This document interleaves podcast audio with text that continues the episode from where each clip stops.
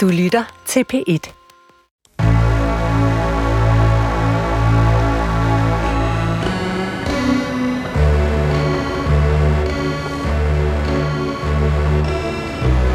Du har ringet til Hemmeligheder på P1. Tak for din hemmelighed. Vi lover at passe godt på den. Min hemmelighed er, at den julegave, jeg købte til mig selv, er dyrere end den, jeg købte til min kæreste. Velkommen til Hemmeligheder. Mit navn er Sanne Sigal Benoyal, og jeg har netop afspillet den første hemmelighed for den telefonsvarer, du altid kan ringe til. Alt du skal gøre er at ringe på 28 54 4000, og så kan din hemmelighed blive til vores. Du kan også sende os en besked, og så kan vi gøre din skrift til lyd. Jeg har sagt det før, og nu siger jeg det igen. Vi har en hemmelighed her på programmet, og den hemmelighed, den har simpelthen en udløbsdato, og den udløbsdato er nu. Vi sender for sidste gang på P1, og inden nogen bliver alt for begejstret, eller nogen bliver alt for bekymret, så kan jeg sige, der kommer mange flere hemmeligheder i det nye år. Også på Danmarks Radio. Bare ikke på P1. Og måske er I totalt ligeglade, for radiofrekvens er jo øh, ikke hemmeligheder. I er hemmeligheder, og telefonsvaren er præcis den samme som altid. Det ændrer hverken kanal, nyt år eller branding på. Så ring ind. Altid. Og til at tale om hemmeligheder i dag, som måske kan kaldes en lille form for julespecial, vil jeg gerne byde velkommen til etnolog og trendforsker Julia Larme. Velkommen til programmet. Tusind tak. Du har jo på en måde både et professionelt og et privat forhold til hemmeligheder, hvis man kan yes. sige det sådan. Vil du ikke lige sådan kortlægge, hvad er dit forhold til hemmeligheder? Jo, altså, jeg synes jo på den ene side, de er meget vigtige og helt vildt interessante, fordi de fortæller så utrolig meget om os og vores forhold til hinanden og til samfundet.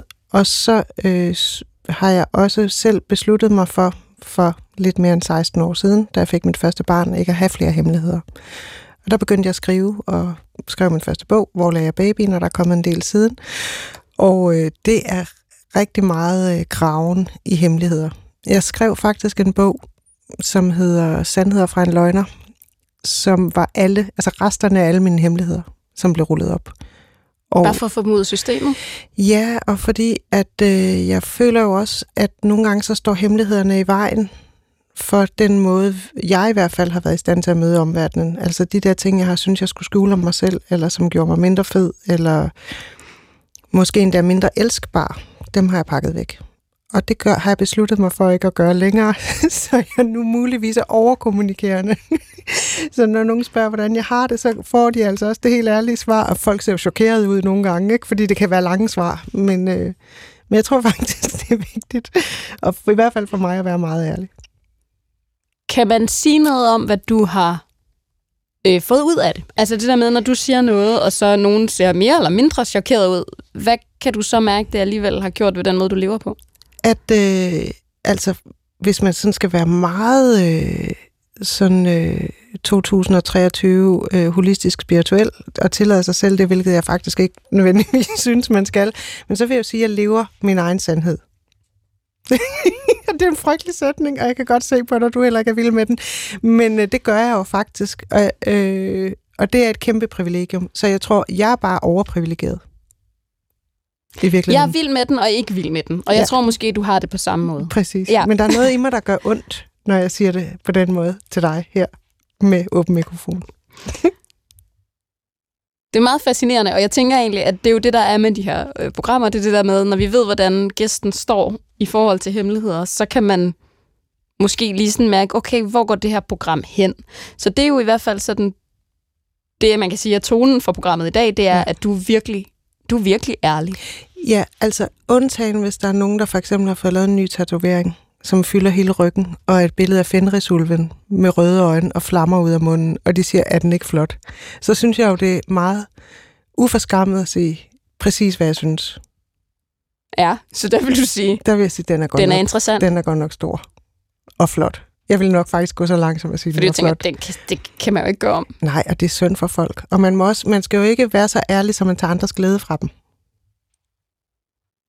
Lad os prøve at se, hvordan vi lykkes med det i det her program. Og, og igen, måske gør vi, måske ved vi ikke engang, at vi gør det. Øh, men lad os prøve at høre den øh, første hemmelighed. Min hemmelighed er, at øh, mig og min kæreste har haft ubeskyttet sex i et år.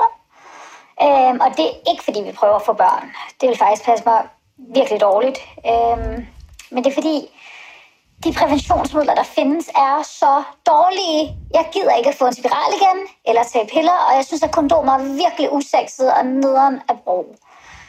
Jeg synes, det er virkelig svært at sige til nogen, fordi at det er mega dumt. Det er jo mig, det går ud over, men ja, det er jo bare mega dumt. Det er en hemmelighed, vi aldrig har haft. Mm. Det kan jeg simpelthen sige, den her, den her hemmelighed har vi aldrig haft. Ikke engang variationer over. Vi har haft hemmeligheder, hvor at man har sagt, man var på prævention og ikke var det, som Ja. sådan en hemmelighed. Øh, man kunne have enten over for en partner, eller over for whatever casual relation, man nu end måtte have. Øhm, men det her med, ligesom, at man som par har en hemmelighed over for verden, fordi man faktisk ikke orker øh, at tage den her diskussion, fordi man godt selv ved, at det er dumt, det ved jeg ikke, men i hvert fald risikabelt. Mm. Det er en lidt spændende parhemmelighed på den måde. Ja. Men øh, Og det lurer mig, om det ikke også er mest en venindehemmelighed. jo, jeg tror, det er en venindehemmelighed. Og, og jeg synes også, det er sådan en ubehagelig hemmelighed. Fordi konsekvensen af den hemmelighed handler hverken om hende eller ham. Det handler om det barn, der måske kommer og ikke er ønsket. Så der synes jeg måske, at det er... Øh, altså, ikke fordi man skal kommandere rundt med folk, men øh, grow up. Altså, jeg kan ikke rigtig have nogen medfølelse, fordi jeg synes altid, man skal tænke på de svage, svageste først. Og den svageste her vil være det barn, man ikke ønsker at få. Og så må man vende sig til kondomer. Eller lade være. Jamen, det gjorde man i gamle dage. Du er historiker, det ved du godt. Ja, det, ja men fuldstændig. Og jeg, jeg tænker, vi er jo også nogle generationer, som er vokset op, jeg tror i hvert fald dig og mig, meget på p-piller. Ikke? Vi er sådan mm-hmm. Mhm. en rigtig p-pille-generation. Ikke? Ja. Og, og der tror jeg, der kom heldigvis sådan et skifte på et tidspunkt, hvor man begyndte at tænke, gud, hvad er det egentlig, jeg fylder mig med? Altså det Ja. var ikke sådan noget, der var i min bevidsthed. Overhovedet ikke. Øh, heller heller. ikke op igennem 20'erne. Men lige pludselig så var det, som om der skete et eller andet, og vi begyndte at tale om netop det der med sådan, hvad er det her egentlig, og Mhm. mm. hvorfor påvirker det mit humør, og hvorfor tager jeg 10 kilo på, og alle de der ting, og hvorfor ja. er det egentlig mig, der overhovedet skal tage dem, vi er to, og alt det der. Det var slet ikke en del af en, af en bevidsthed. Og det synes jeg er ekstremt positivt, at det er blevet det. Ja. Det er bare ikke rigtigt det, det der, den her hemmelighed Nej. handler om. Men altså, min mor sagde til mig, øh, at p-piller virker især, hvis man holder dem helt stramt mellem knæene. Så sådan kan man jo også bruge dem. Jamen, det er meget... Jeg kommer fra den dybe provins. Kommer du fra Fyn? Jeg kommer totalt fra Odense. Jeg kan godt høre Ja. lige der, lige det med, med, da du nævnte din mor Men, med knæene. ja, med knæene. Men jeg, jeg synes faktisk, man er, altså hemmeligheder er jo gode at have. For det meste. Altså man har ret til et privatliv, synes jeg. Men jeg, jeg synes, at lige præcis det her, det er så øh, trist en hemmelighed at have. Fordi at man, øh, man påfører andre nogle konsekvenser. Og det synes jeg, vi skal passe så meget på med. I det hele taget den måde, vi lever vores liv på. Så børn skal være ønsket.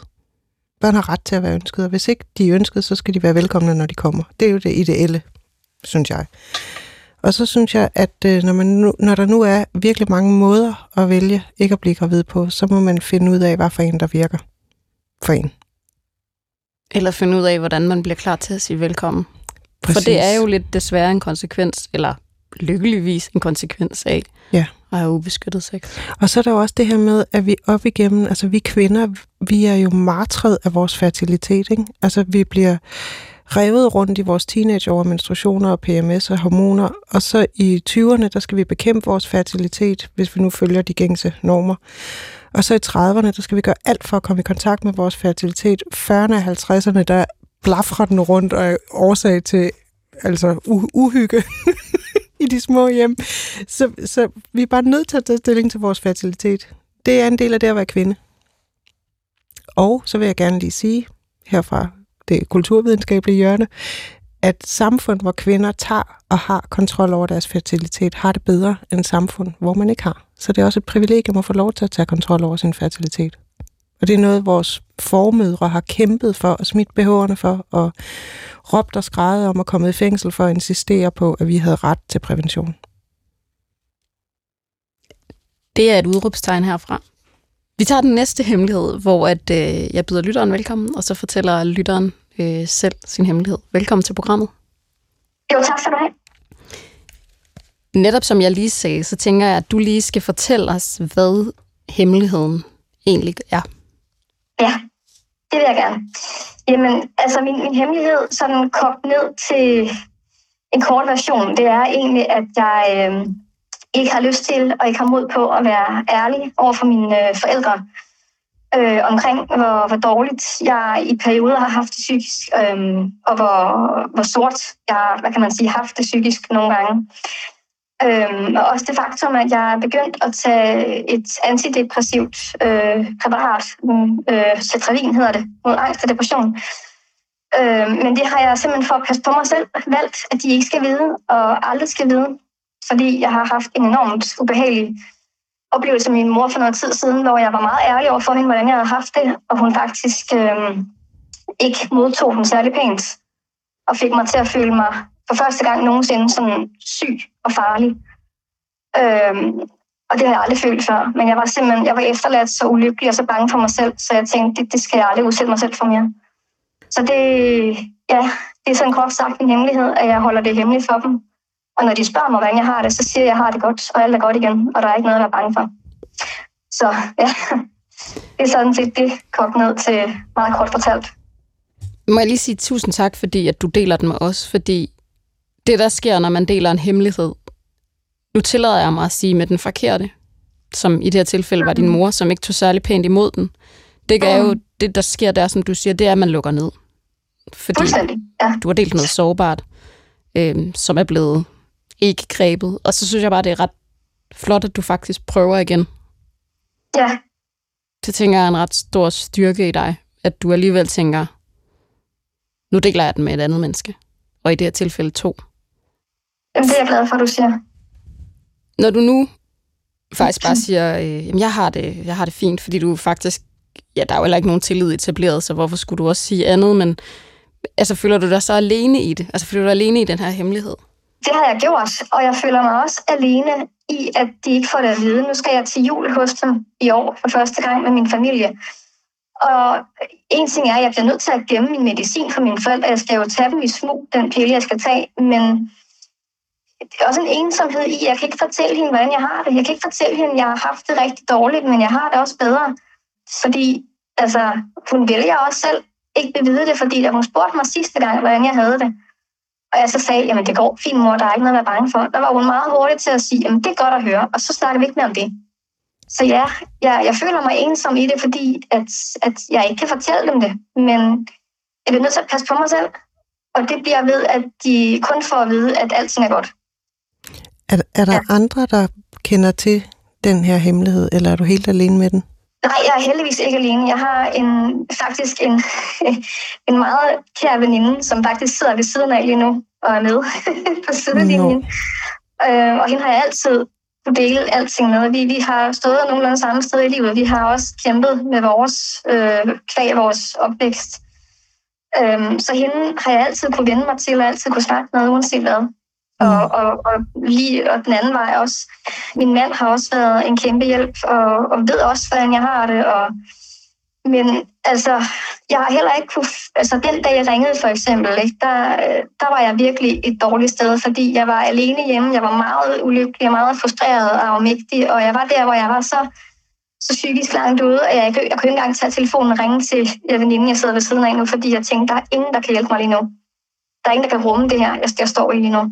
Men jeg vil sige, at jeg, jeg er et, et meget, meget bedre sted nu, fordi jeg for det første er startet på medicin, som, som hjælper mig som også har givet mod til at åbne op igen og sige, jeg kan ikke klare det her selv, jeg skal have noget hjælp. Altså, så jeg er heldigvis ikke alene. Ja. Jeg tænker jo, at vi alle sammen skal huske to ting. Vi har ikke indberetningspligt over for vores forældre, når vi er voksne. Altså, Nej. vi... vi øh,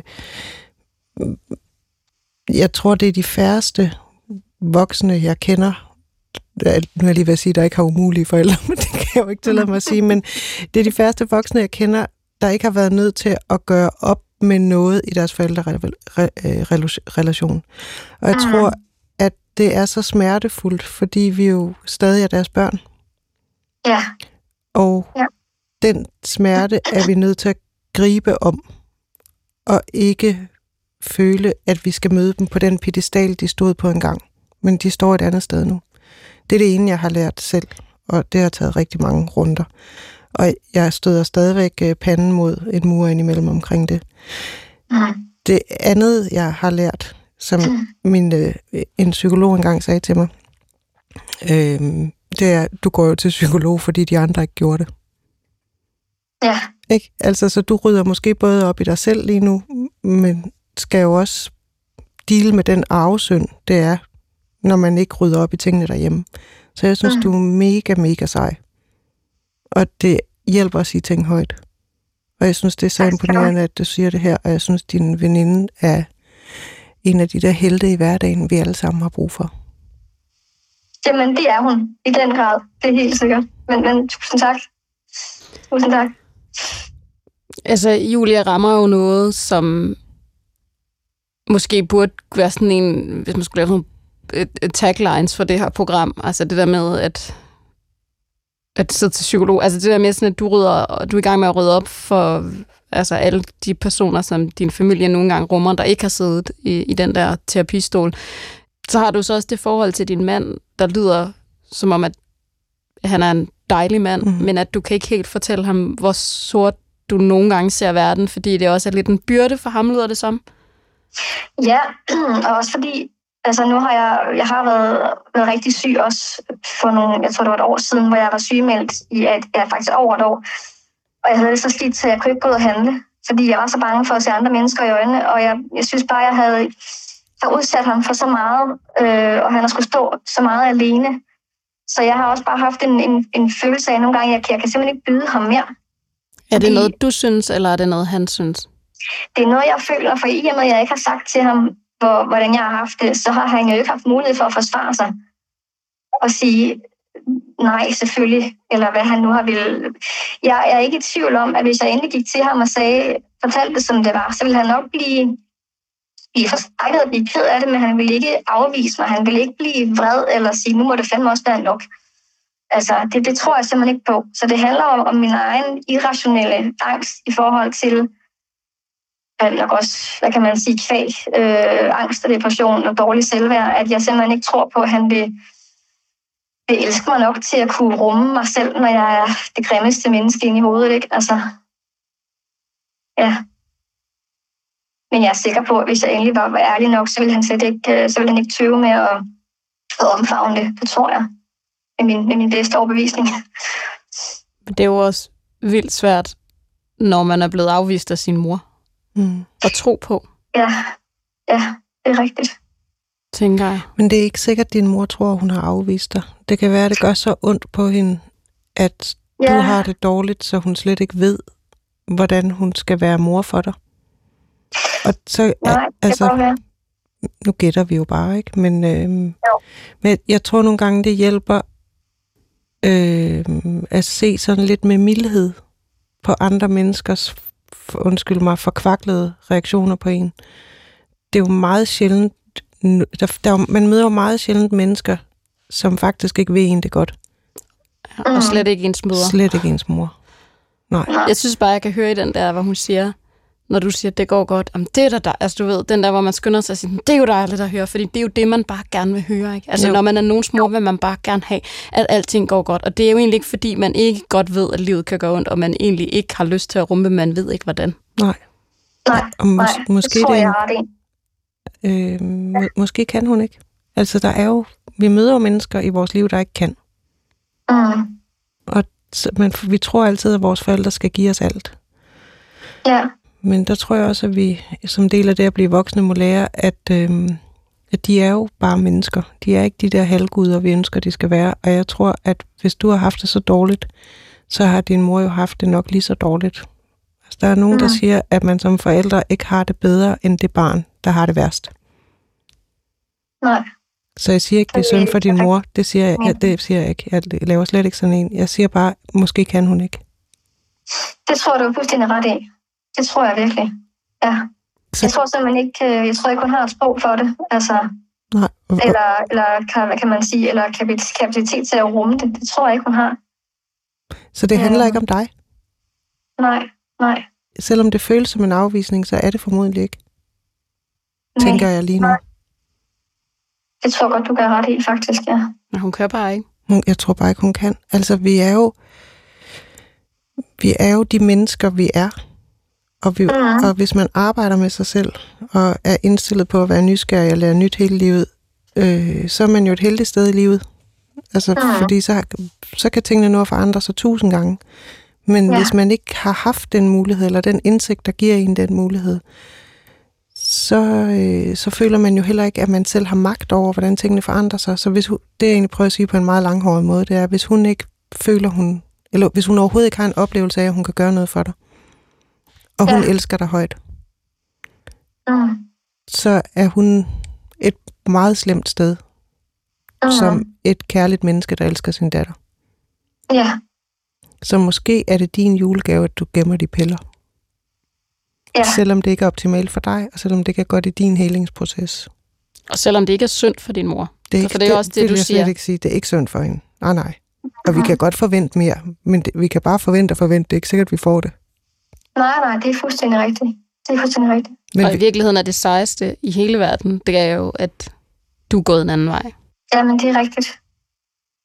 Og det giver rigtig god mening, det du siger med, at jeg går til psykolog, fordi mine forældre ikke gjorde det. det den, den kunne jeg virkelig mærke, den, den, den har sat sig, og jeg synes virkelig, den, den giver rigtig, rigtig god mening. og bare fordi du skal Ja. holde noget hemmeligt for din mor, behøver du ikke holde det hemmeligt for verden. Nej, Altså, jeg synes, det det du fortæller mig, er det mindst skamfulde, jeg nærmest kan komme i tanke om. Altså, Ja. jeg forstår godt, at det er slemt at være i, men mm, øh, hvis der er noget, vi gerne vil passe på lige nu i Danmark, så er det da hinandens mentale helbred. Altså, Ja. verden har aldrig været mere forstående nej, for det. nej, det er rigtigt. Så det er slet ikke sikkert, at du behøver at gemme noget andre steder end lige derhjemme juleaften. Det tager du ret i. Det smukke er, at det her program, det bliver sendt juleaften. øhm, og, jeg tror, og jeg tror på en eller anden måde, øh, at du bliver ikke den eneste, der kan bruge det citat med, at du sidder i den stol, fordi dine forældre ikke har gjort det, tror jeg kan blive øh, Julia Larmes øh, julegave til øh, rigtig mange.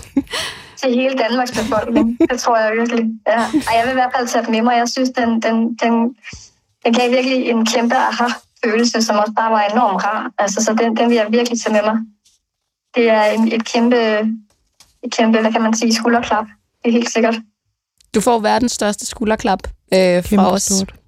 Tak, fordi du ringede. Jamen, selv tak, og tak for et virkelig, virkelig godt program. Det, er, det giver så meget mening, og det giver så meget... Øh, ja, man føler sig set. Så tak for det.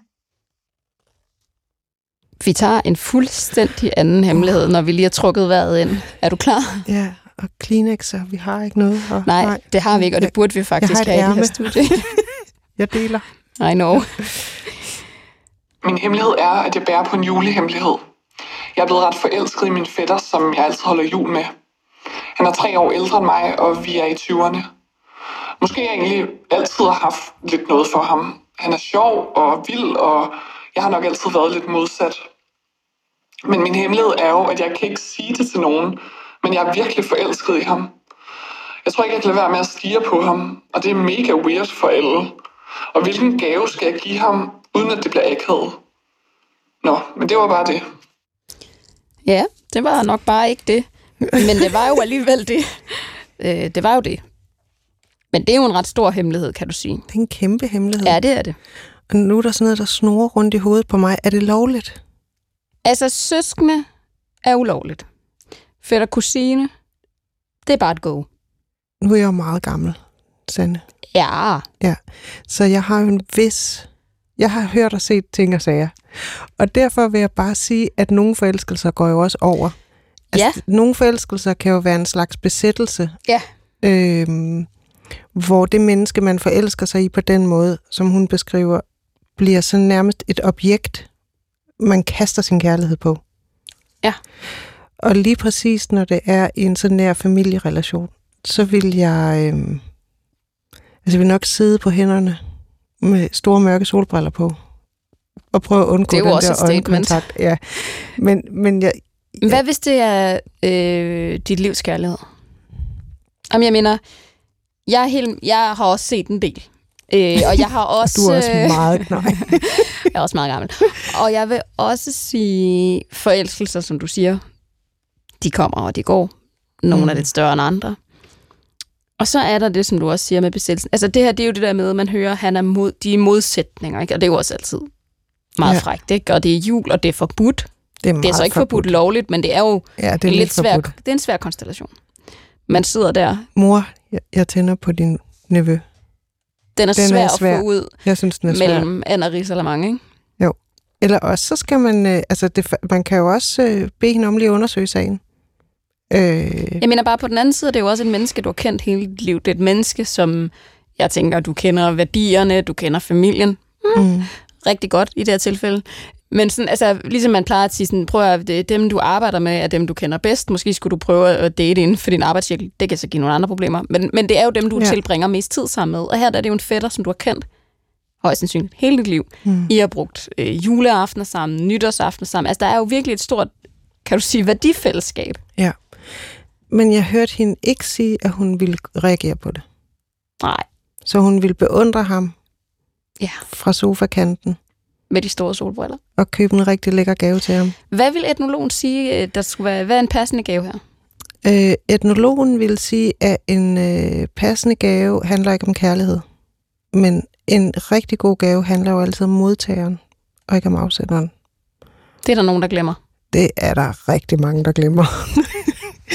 Men øh, så, hun må jo kende ham godt. Så øh, en øh, gave, der, øh, der giver ham noget i forhold til hans interesser, ville være en kærlig opmærksom gave. Altså ikke en lok af hendes hår i en sølvmedaljon, selvom e- etnologen har set mange af dem på museer. Den slags leder vi ikke efter. Men øh, mere end, hvis, altså, hvis han synes, at øh, fodboldhelte er interessante, så en biografi. Altså noget, hvor man tager hans interesser alvorligt. Det er en god og opmærksom gave. Og, Ja. Og når vi siger, at nogen har glemt helt at få det memo, handler det jo tit om, at folk giver gaver, som de godt selv på en eller anden måde gad at have. ja, eller når du har læst den, så vil jeg gerne låne den. Ja, Ja. ja. det sagde jeg faktisk til min far den anden dag. Så Godt videre. Nej. det bliver en spændende jul for den her øh, familie. Og jeg Mm. tror i virkeligheden, at nu bliver det jo faktisk sendt juleaften, hvilket jeg synes på en eller anden måde er lidt legendarisk, at vi Det har ramt det. det. Også fordi hvis man så netop er enormt træt af sin familie den aften, så kunne man jo faktisk bare lige gå ud, lige ud på toilettet, høre Mm. telefonerne i, Airpods eller hvad man bruger, og så lige tage sådan 10 minutter med hemmeligheder. Det, det fungerer meget idé. godt. Ja, det er sådan lige at ventilere. Vi tager en hemmelighed mere, hvor jeg øh, først afspiller hemmeligheden, og så har vi lytteren med på telefon. Hej hemmeligheder. Min hemmelighed er, at jeg i virkelig mange år har tænkt på min ekskæreste ret ofte. Det er 10 år siden, vi slog op, og jeg er i dag i et andet forhold med en fyr, jeg har børn med. Men jeg tænker stadig rigtig ofte på min ekskæreste. Jeg ved ikke hvorfor. Om det var fordi, det var min store kærlighed. Jeg har prøvet, virkelig prøvet i årenes løb at glemme ham, men det virker ikke, og jeg ved ikke, hvad jeg skal gøre. Ja, tak. Velkommen til programmet. Tak. Altså det her, det er jo en... Og det er ikke for at forklare den her hemmelighed. Det er bare for at sige, det er jo virkelig en klassiker. Mm. Altså det er sådan en... Det er virkelig sådan en hemmelighed, som jeg tror rigtig mange kan se sig selv i. Ja, Der er Og det er jo- virkelig, virkelig meget i min indbakke af præcis det her. det er jo virkelig rart at høre, man ikke er den eneste. Det er du ikke. Jeg, nu hørte jeg jo min hemmelighed øh, afspillet igen, og øh, altså jeg vil sige, det jeg skulle have sagt var min første, første store kærlighed. Ah. Ikke sådan min eneste store kærlighed. Det gør jo en stor forskel, tænker jeg. Ja, fordi for nogen er den der første kærlighed jo også en, en helt særlig kærlighed. Altså, det er det ikke for alle. Men det er det jo. Mm. Men den er jo for Jamen, nogen. det tror jeg også, det var. Men den er med Det til at var det helt forme sikkert. noget i os. Den første store kærlighed. Den ligger jo ligesom Mhm. sådan et roadmap på godt og ondt. Fortæl. Jamen, jeg tror, at den første store kærlighed, den rammer os der, hvor vi er allerblødest. Og øh, uanset hvor godt eller dårligt det forhold har været, så tager vi jo noget med derfra. Og blandt andet jo også et minde om, hvordan vi selv var, før alting blev alvorligt. Jeg har holdt foredrag i rigtig mange år for mødre, øh, og jeg forklarer ingenting nu. Og øh, det er nogle år siden, jeg stoppede med det, men noget af det, der altid blev talt om til sidst, når mange var gået, det var den første store kærlighed. Fordi der sker noget med os, når vi er et sted i vores liv. Eller, Der sker noget med mange kvinder, når man er der, hvor man har helt små børn, og livet bare er freaking hårdt, og parforholdet er noget, man skal arbejde for at holde i live, og man har glemt nogle gange, hvad man selv hedder til mellemnavn, og man kan ikke huske, hvad man egentlig godt kan lide mere. Så når nogen siger, hvad kan du tænke dig til aftensmad, så er man sådan, øh, resterne fra børnenes tallerkener ville være fint. Altså fordi man kan ikke længere tage stilling til noget. Og pludselig så sejler ham ungdomshelten, som var helt fast i kødet og aldrig træt. Han sejler ind på nethinden hos en. Og man kan også huske sig selv lige pludselig. Den følelse, man var i stand til at have, når man var helt fast i kødet. Altså, nu er jeg lige ved at komme i detaljer med det faste kød, det skal jeg nok lade være med, men helt fast i kødet og aldrig træt. Og man kunne huske, at man faktisk godt kunne lide pizza med kartofler. Og nogle gange er det også mindet om det, der sejler frem, tror jeg. Altså, det er ikke nødvendigvis af ham, men det er måske også af dig fra dengang. Har du tænkt Mm. over det der med, hvor meget der er ham, og hvor meget der er det der med, hvad der var engang, altså hvem du var engang, og hvem, hvad dine drømme var, og alt det der? Jeg har tænkt lidt over det der med, om det, om det var ham, eller det bare var den følelse, man havde som øh, ung, øh, ung, nyforelsket, øh, superforelsket, fordi alle hormoner og alt også bare øh, boblede i en. Ja, altså, fordi jeg tror egentlig også, jeg har jo tænkt tilbage på det forhold, vi havde, og kan jo godt, altså, der er jo mange ting, der, øh, som ikke var så fint, øh, og som jeg, altså som, øh, hvor, som, øh, ja, hvor jeg er glad for, at jeg har et helt andet forhold i dag. Øh, Hvad var det, I kunne, dig og din eks? altså, jeg ved ikke, jeg synes bare, vi passede virkelig, virkelig godt sammen som mennesker. Øhm, vores, vi var meget, meget ens, og det var måske også, jeg ved ikke, det var måske også på den dårlige side. Altså, ja, jeg ved ikke, det var, det er derfor, jeg også øh, tænker, om, om det er det der med, at det bare var ens første store kærlighed. Øh, altså, den første, man mødte, man tænkte, om ham kan jeg godt blive gift med og få børn med. Øh, I, fordi jeg kan egentlig ikke, ja, jeg kan ikke uh, sætte noget specifikt på, på altså så, vi var, ja, det kan jeg ikke, det var nok bare den følelse af første kærlighed har I kontakt nu? Øhm, nej, altså vi havde kontakt i en del år efter. Øhm, i, øh, vi skrev en del sammen, efter vi øh, slog op, og var også lidt sammen og sådan noget. Øhm, og så, øh, så blev det mere til bare sådan lidt overfladisk, hvordan går det, og hvad man skulle af rejser og sådan noget.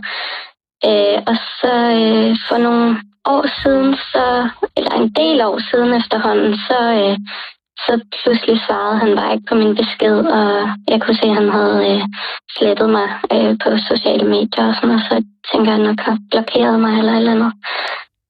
Så du ved ikke, Men hvad der, altså du ved ikke, om han har fået familie, eller rejst til Honduras? Jo, det har han. Okay. Jo, og jeg tror også, det skete i forbindelse med det. Øhm, og altså, jeg har egentlig altid godt kunne tænke mig at mødes med ham, og øh, altså sådan, jeg ved ikke, ligesom få snakket det ud, det brud der, og få sådan, jeg tror bare få snakket alting ud. Øh, øh, ja, og det har vi bare aldrig gjort, så der er også måske nogle ting, der føles sådan lidt... Uafsluttet? Ja, ja Uforløst. det tror jeg. Ja, U- uf- uforløst kærlighed har det jo med at blive meget stort. Mm. Det er jo også det, der er det svære ved det, ikke? Altså sådan, Jo. det, kan, det kan vokse sådan noget der. Uforløst kærlighed. Men man må jo også respektere, at han har klippet båndene. Ja. mm, Altså, fordi hvad nu, hvis han har haft det på samme måde som dig? Mm. Og det har gjort Mm. ondt på ham at følge med i dit liv. Og så ringer du og siger, hej, øh, Morten. Ja. Lad os kalde ham Morten. Jeg har bare rigtig meget brug for at få talt ud. Og øh, det vi ikke ved, det er, at han har grædt over dig hver nat i otte år. Og endelig kommet sig. Og har kone og børn. Og så ringer du. Altså, jeg tænker bare, at nogle gange så er der en grund til, at folk ikke kan holde ud og kigge på en. Og den behøver jo ikke være negativt lavet, for det meste er den jo positivt. Altså, folk elsker jo at følge en, hvis de hader en rigtig hårdt. Må, må man sige i det her program, hvad man vil gøre selv? Ja. Jeg hører din længsel og din, dit savn efter det, der var. Og tænker, at alt det gode har været med til at gøre, at du kunne, kan have det forhold, du har i dag. Og måske også alt det dårlige har gjort, at du har vidst, hvordan du skulle bygge et forhold i dag. Og så tænker jeg, lad det ligge. Mm. Fordi du ved ikke, hvad du rører ved. Nej. Og man har ikke altid ret til at komme med alle sine egne følelser. Øh, bare fordi man selv har brug for at få talt ud med nogen, er det jo virkelig ikke sikkert, at de har brug for at få talt ud med en. Øh, og nogle gange så, altså jeg synes, det er et meget tydeligt tegn, når han ikke vil lade dig følge hans liv, Mm. om at det kan han måske ikke bære. Eller det kan mm. hans parforhold måske ikke bære. Mm. Sådan vil jeg i hvert fald forstå det. Ja. Kan du dele den her hemmelighed med nogen? Øhm, altså, jeg har en gang for mange år siden fortalt, fortalt noget af det til en veninde. Øhm, og, øh, men det er ikke en, jeg snakker så meget med. Øhm, så jeg har egentlig ikke fortalt det til, til andre før nu. Øhm, men det har også bare været, jeg hører dig ringe ind og sige det højt, så, man, mm. så går man jo og pusler lidt videre og, og tænker over, jamen, hvorfor er det egentlig, at, øh, at man stadig tænker på ham. Altså, Men tænker du Ja. er i stand til at have så mange følelser? Altså det, der er kæmpe optur. Tænker, du kan have så mange fø- varme følelser. Du har to børn, og du har en mand, og jeg er sikker på, at du elsker dem alle tre. Og samtidig så er du så rig på følelser, så du simpelthen også kan ligge nogen hos ham. Det synes Mm. jeg er stort. ja, jeg, altså, jeg ved heller ikke, om det er sådan er følelser, der ligger. Det, altså, måske kan man også øh, sammenligne det lidt med et, øh, jeg ved ikke, en søskende, som man måske har mistet kontakten til, eller sådan noget, at man Mm. bare tænker, tænker på dem øh, ret ofte, men ja. Men Altså, den, der er et, måske er der nogle mennesker, der på en eller anden måde kommer ind i vores liv, og man vil... Altså, man vil altid sådan elske dem på en eller anden måde, øh, også selvom man så ikke altså, har snakket sammen i 10 år. Øh, Mm. Det ved jeg ikke, om det, Det giver total mening. om det er en ting. Det tror jeg, det er. Øh, nu snakker jeg bare, indtil Sanne hun vinker til mig og siger, at jeg skal stoppe. Men jeg blev faktisk slået op med en veninde for 10 år siden. Og øh, det var meget smertefuldt. Og gjorde virkelig ondt. Og jeg havde sådan noget kærestesorg agtigt Ja, altså sådan en venindesorg, Ej, det Ja. var hæsligt. som ingen ægte taler om er en ting, men ja. Kæmpe sorg. Og hende savner jeg stadigvæk.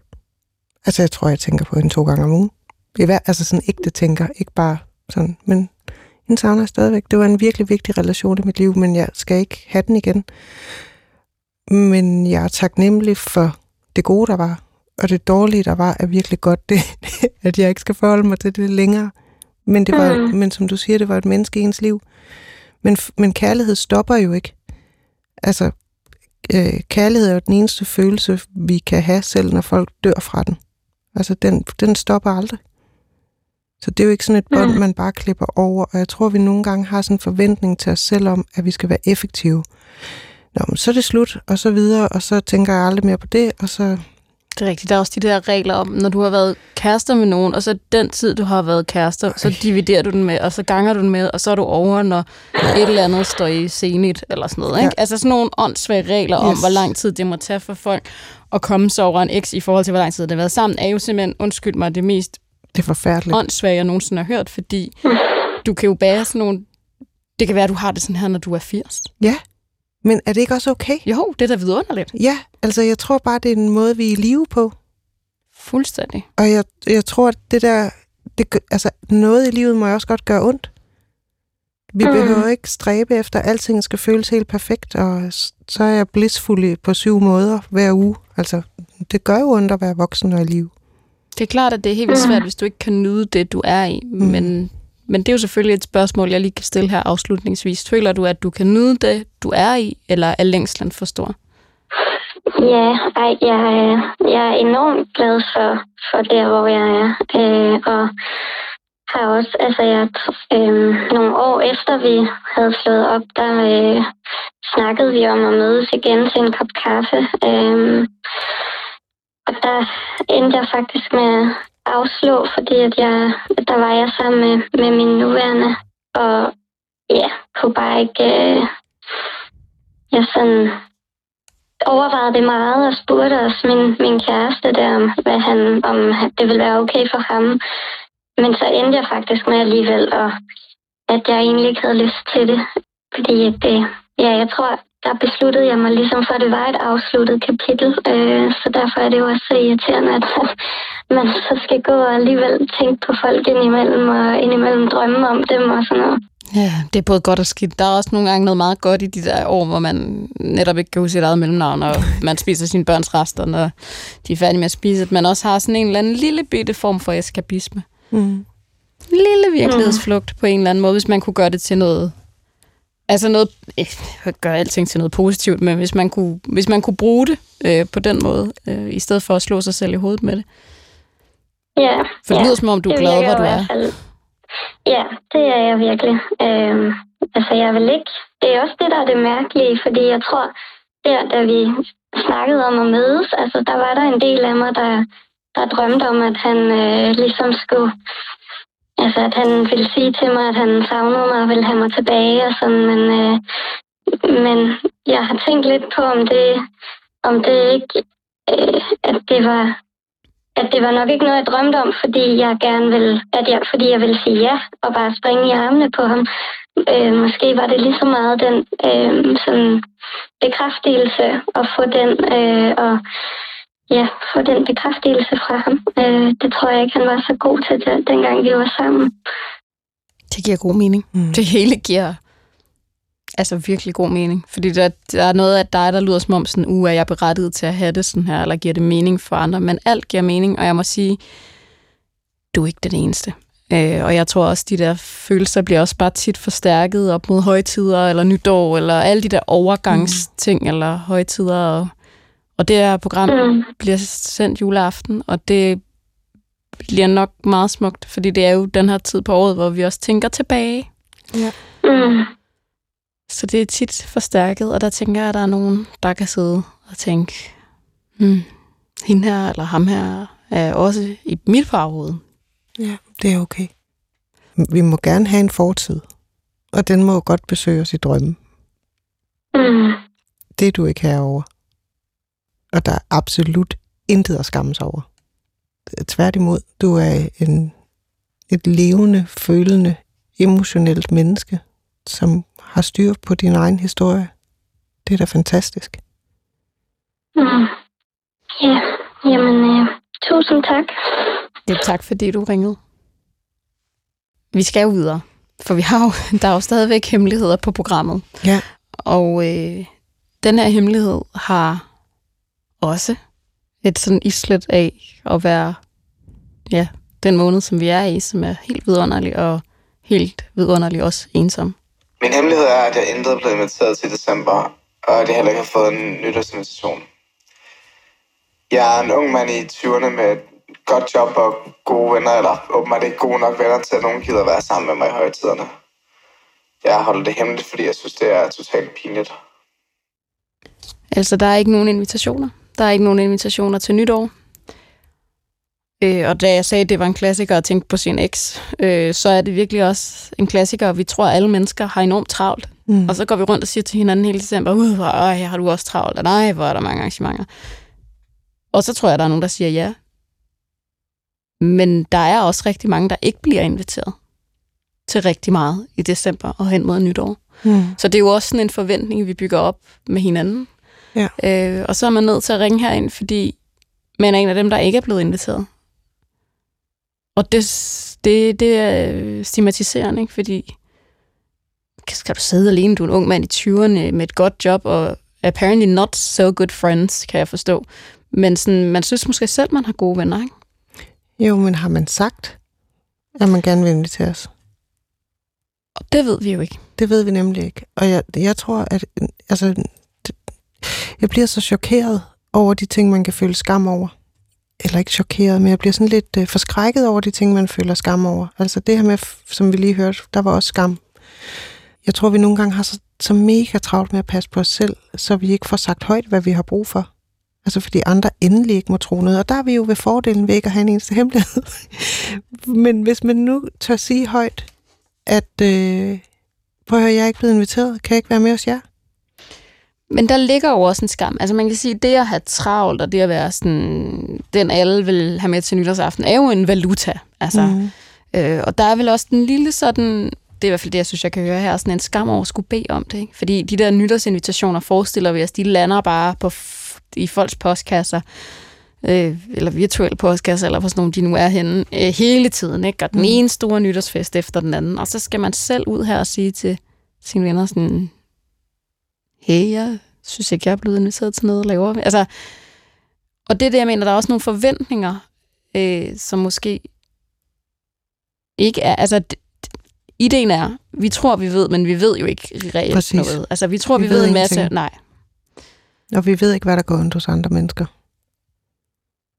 Det men det, ikke. der gør ondt, er jo selvfølgelig følelsen af at være den, der ikke er blevet inviteret. Ja. Og det er følelsen af at skulle sidde hjemme på sådan en aften, som vi har vedtaget, er den aften, hvor vi skal skyde fyrværkeri af og, og have det sølv og, og øh, have sjov hat og sådan noget, ikke? Øh, I virkeligheden, så tror jeg faktisk, det er den aften, jeg ved det ikke, men på året, hvor, hvor flest folk har det virkelig dårligt. Jamen, det er en frygtelig aften. Jeg har lyst til at sige det nu her til alle dine lyttere. Det er en grundlæggende en forfærdelig aften. Den er fuld af forventninger og nylonstrømper, som løber, og cykelture i sådan noget slud regn ja. med raketter flyvende om ørerne på en. Det er en frygtelig aften. Ja. Men øh, man skal selvfølgelig, den bliver ikke bedre af, at man sidder alene. Så, Sande, hvad gør man her i dit program i sådan en situation? Jeg synes, det er ærgerligt, at han er ked af det. Hvad gør man? Altså, jeg synes, det er helt vildt svært, fordi jeg tit hører sådan nogle programmer, hvor folk siger, du skal bare sige det. Og det forstår jeg godt, men det er jo nok det, der er svært. Ja, altså, jeg det kom er lige jo, til at sige det. Ja, men det er, fordi ja. du er en duer. Du siger ting. Ja. Øhm, men jeg tror, for folk, der ikke synes, det er særlig let at sige, så er der rigtig langt til telefonen, mm. hvor man siger, hey drengene, hvad laver vi nytårsaften? Men ikke desto mindre, så tror jeg også, det er den eneste øh, ligesom vej ud af den ensomhed. Det er at sige, hey drengene, hvad med den aften? Er det bare mig, der ikke har hørt noget, eller hvad laver vi? Jeg lægger lejlighed til. Something. Ja, altså min, min første reaktion i sådan en situation vil jo altid være selv at tage hånd om det. Jamen, så holder jeg festen. Eller så tager jeg noget initiativ. Men hvis man ikke kan det... Ja, der vil min reaktion jo bare være at rejse. Det vil oh, bare være at sige, det kunne man også. Hej, hej. Ja. Nå, men også fordi, helt ærligt, det synes jeg er et power move af dimensioner. Ja. Og der må jeg bare sige, som en, der har gjort det rigtig meget, også bare for at være sådan her, øh, tid for, eksisterer ikke for yes. mig nytårsaften.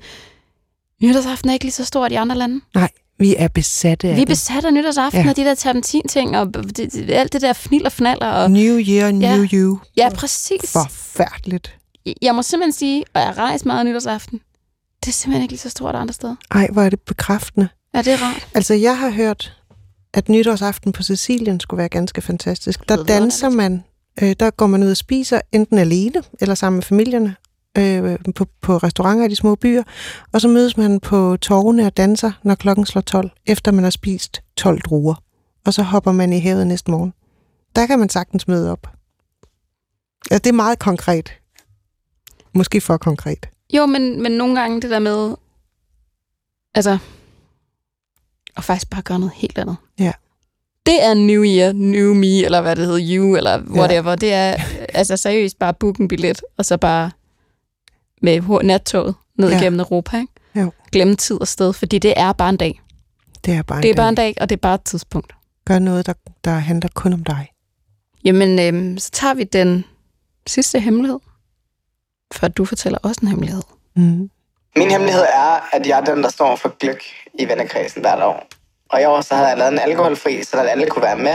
Og jeg serveret den i weekenden, men nu har jeg lige opdaget, at den ikke var alkoholfri alligevel. altså den vin, jeg puttede i den. Og nu har jeg bare så sygt dårlig samvittighed. Ja. Altså, det er jo faktisk sådan en øh, ægte hemmelighed. Altså, det er alle hemmeligheder, men det er sådan en, det er meget sådan en til en hemmelighed. Ja. Øh, gør det nogen glade, at han siger, at han skal ikke sige det til nogen? Jamen, og det er jo så her, vi ikke kender detaljerne, men, men man kan sige, har du serveret den til din gode vens gravide kæreste, så er der måske ikke rigtig nogen... Altså, den gløk kan jo ikke hældes ud af kroppen igen. Den bliver, Nej. den bliver svær ligesom sådan skulle tage tilbage.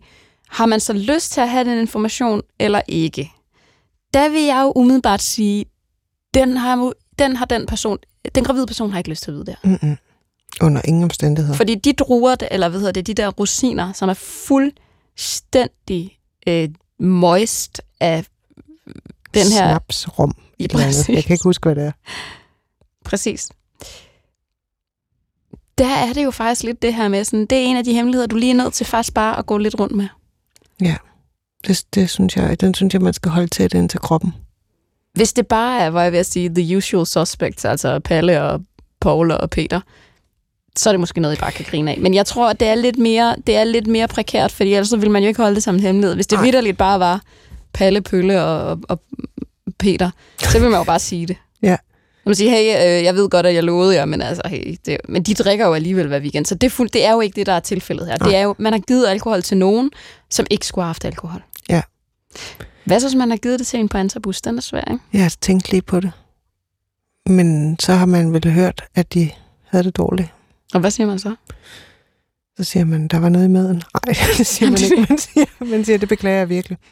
Ja, så siger man det. Ja, så siger man det. Ja. Men hvad med den gravide? Det er en gråzone. Jeg synes ikke, den gravide behøver at vide det. Altså, nu skal vi også lige... Nej, det må jeg ikke sige på Danmarks Radio. Men jeg, jeg vil gerne sige, at... Øhm, Du vil sige, at de her, i, i 80'erne og 90'erne, der tog man lige en lille gløk. altså, i 70'erne, hvor jeg er født, der, Der tog man en stor gløk. Der tog man en stor gløk, ikke? Og, og en chill pill. Altså, så jeg, jeg tror, at øh, jeg opfordrer virkelig ingen gravide til at drikke. Jeg siger bare, det går nok. Ja, at hvis man har fået en lille gløk, Hvis man som har fået en lille gløk man troede var alkoholfri. Ja. ja, det går nok. Men man kan blive så bekymret, når man er gravid, så man ikke skal slås med den viden. Men jeg kan godt forstå, uh, det, her, det, det her det er en af de hemmeligheder, der rammer mig på den måde, at det er jo en forholdsvis lille hemmelighed, men den vil være uendeligt svær for mig at bære på. Altså det er sådan, jeg ja. vil kunne bære på meget store, tunge hemmeligheder. Men ikke den her. Nej, den vil være... Jeg vil få sådan en form for sådan tourette. Ja. Jeg ved, jeg vil komme til at sige sådan, gløk! Eller sådan, Ja. vin! Jeg ved bare, at jeg vil ikke kunne sidde på den. Nej. Men, øh, Og man har gjort, kan ikke også det men er, det er fordi, du har lavet en fejl. for gløkken. Åh, man har lavet en fejl, og vi kan ikke tåle at lave fejl. Altså, det er jo det, der sker. Ja. Når, når der er nogen, der begår en fejl, så helt instinktivt, eller hvis jeg begår en fejl, så er jo helt, det første, jeg tænker, det er, åh gud, opdager de det? Ikke? Ja. Altså, man vil jo ikke opdage sine fejl, fordi vi vil jo, uanset hvor reflekteret vi er, så vil vi jo gerne fremstå som nogen, der har tjek på ting, og i hvert fald alkohol og gløk. Og hvis man nu er den, der står for gløk, ikke? jeg er altid den, der står Ja, for så gløk. skal du også øh, tage ansvaret, Sanne. Ja. Og nu har, du, nu har du hældt snaps i den alkoholfri igen i år. Det kan ikke blive ved sådan. Jamen, det kan jo ikke blive ved sådan. Men man må lære af det. Ja. det. Han kommer aldrig til at gøre det igen. Nej. Det gør han ikke. Det er, meget, det er faktisk lidt synd for ham. Jamen, det, det, det synes jeg faktisk også, der, Ja. ja. fordi det her det er jo sådan en hemmelighed, som ikke har været på nogen måde tilsigtet. Altså, det, er sådan, Nej. det har ikke været tilsigtet, og nu skal du ligge med den hele julen. Og hver gang du ser på gløk nu, så tænker jeg, åh, hun har ikke den gløk. Ja. Men det er jo en fejl, Ja. der bliver til en hemmelighed. Ja. Ikke? Og det er okay. Det har jeg sagt meget i dag. Men det er okay. Bare Men det- hold det for dig selv. Jeg tror, her på 2023 sådan afsluttende dage, så tror jeg, at det er okay. Det kunne man godt gøre til sådan en... Og det er jo fordi, alt ikke er okay lige for tiden. er Alt ikke er så bimler og der er bamler. okay. Så jeg tror, det er derfor, man siger det meget, ikke? Jo, men man har også brug for sådan, på engelsk hedder det self-soothing, ikke? Man har brug for sådan lige at klappe nervesystemet lidt ned og puste ud og tænke, det, det er okay. Lige det her, det er okay. Det er det, man skal lære børn, når de er små, Mm. mm. har jeg lært. Som jeg så ikke har lært mit barn. Du kan nå det endnu. Det kan være min hemmelighed.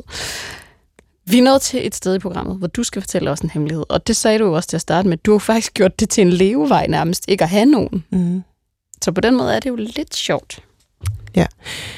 Altså, øh, jeg synes ikke, jeg har brug for at holde ret meget hemmeligt, men det har jeg jo lige nu, fordi det er juleaften. Og hvad er, og hvad er det, du har holdt hemmeligt? Jamen, det er... i særdeleshed min mands gave, som jeg har holdt hemmelig siden oktober. Det er lang tid. Det her, det er en gave, jeg har arrangeret. Det er et godt hint, ikke? Til en arrangeret gave, du har købt for lang tid siden. Mm. Altså, hvad tid er det her program i radio? det er desværre klokken tre, og det er jo ja, et rigtig ærgerligt ikke. tidspunkt. Det går ikke. Øh, Fordi der er I ikke engang begyndt nej. altså at spise konfekt. Nej, altså øh, Johan, du får ikke flere hint. Nej. Nej. Men, øh, Men du kan jo så fortælle mig det bagom. Det kan jeg gøre, og så det er vil en jeg jo virkelig kunne... god gave. Okay, fordi så kan jeg trods alt til de nysgerrige lyttere, de kan skrive sig selv. Det er ikke noget med en alpaka eller sådan noget. Altså, det er, ikke, det er ikke et dyr, der kommer. Må jeg, jeg sige, sige, det var faktisk ikke der, min hjerne Nej, gik hen. Øh, jeg tænkte, der det lyder som om, der kom en hundvalg. Det gør der ikke. En alpaka gående ind i... Øh... Det var ikke det, jeg tænkte. Nej, godt. Okay. jeg er meget nysgerrig. Øh, den hemmelighed må jeg have bagom. Mm, og så kan dem... Du. Der lytter med i det nye år. Ja. Ja, får de får den. den. Mm. Julia, mm. tusind tak, fordi at du delte din næsten hemmelige gave. og øh, tak fordi, at du lyttede til alle de andres hemmeligheder. Tusind tak, fordi jeg måtte. Og tusind tak, fordi I har lyttet med her hos P1. Det er kæmpe stort at skulle sige farvel for sidste gang, men vi lyttes ved næste år.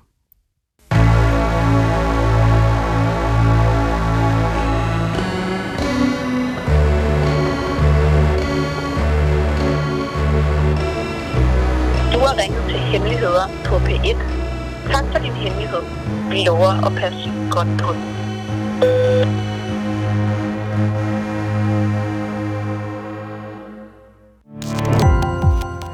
Gå på opdagelse i alle DR's podcast og radioprogrammer. I appen DR Lyd.